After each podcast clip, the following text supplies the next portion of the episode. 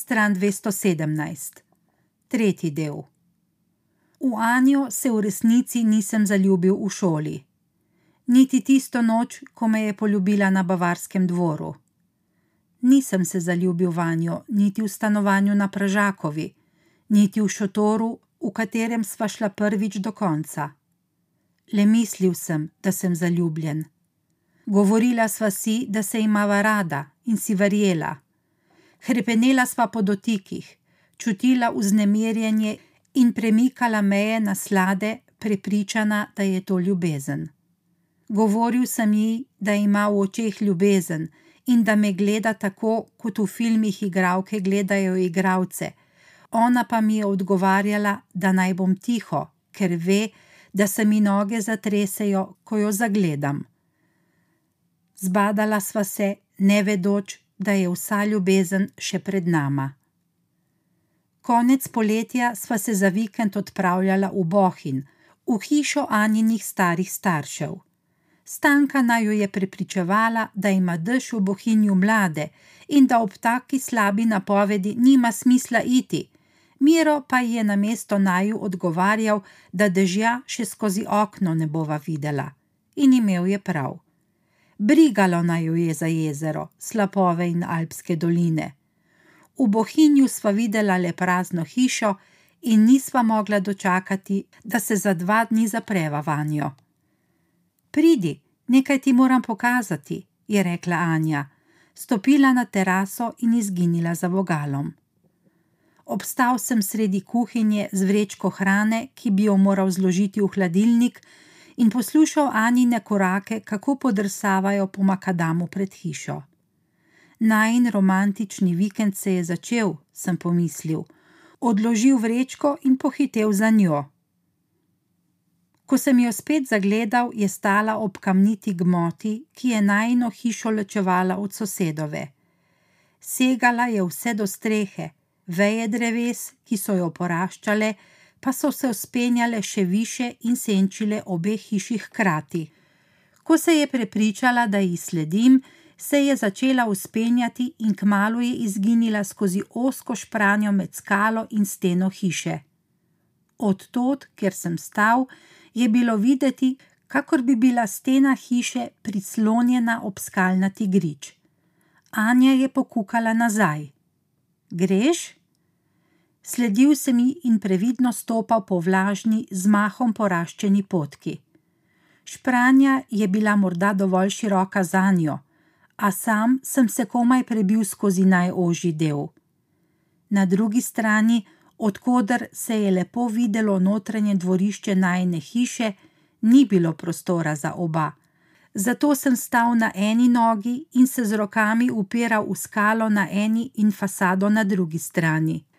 Anja pa se je zabavala. Prijela je debelo vejo nad seboj in se potegnila po stopničkah navzgor, proti vrhu skale. Stopil sem na izpraznjeno mesto in se tudi sam prijel za vejo a potreboval bi več prostora, predvsem pa so bile stopničke le nevidne kamnite izbokline, ob katere je bilo skoraj nemogoče trdno opreti moja velika stopala in dvigniti težo mojega telesa. Za mojim hrbtom je bil med skalo in hišo ozek nekaj metrski prepad, in veja, ki sem se je držal, se mi ni več zdela tako zelo močna. Anja je stala nad menoj in se mi veselo smehljala.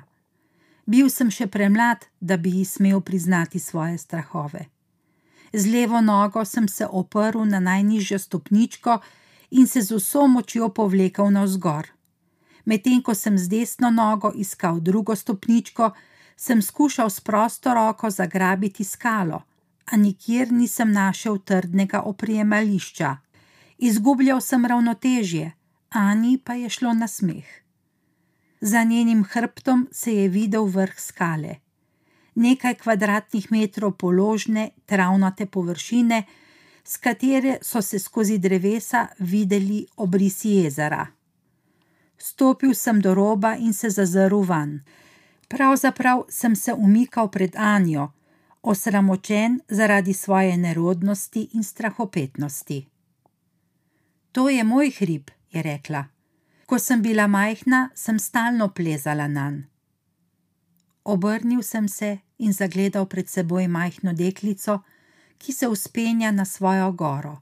Sukljato dekletce v športnih oblačilih, ki je ne zanimajo barbikine hiške in ki je vseeno, ali ima na nogah originalne olstarke. Zagledal sem sramežljivo punco, ki jo je sram priznati, da ima svoj hrib, na katerega rada pleza, in prijateljicam zagotovo govori, da je v bohinju dolgčas, ker se ji ne ljubi igrati monopolija in se sprehajati s starši in sestro okoli jezera. Si bila ti malo fantovska, ko si bila majhna? jo vprašam. In že vidim punco s kratko postriženimi lasmi, ploskih prsi, v širokih hlačah in razvlečeni majici, nenamazano punco, ki je imela rada telovadbo, ki se je rada družila s svojimi bratranci, igrala z njimi nogomet, izdelovala lesene loke in streljala golobe. Pa kaj potem, če sem bila, reče Anja. Zdaj je njej nerodno, in čeprav stoji vsaj pet metrov stran od mene, mi je bližja kot kdajkoli prej. Rad jo imam, pomislim, prav njo, ki ta trenutek stoji tu in zardeva. Ko se vrneva v hišo, ne seksava, ampak se ljubiva. Božava se in objemava. Prvič sva midva pomembnejša od najnih poželen. Privijam jo k sebi, vse tesneje, kakor bi želel najni telesi zgnesti v eno, kot dva kosa plastelina. Moja želja po bližini je nenasitna, in tudi ko se izlijem vanjo, se nočem otrgati od nje, ampak ustrajam v pretesnem objemu. Čutim, kako med nama nastajajo skupne kaplje potu, in vem, da bo že najmanjši odmik vse pokvaril.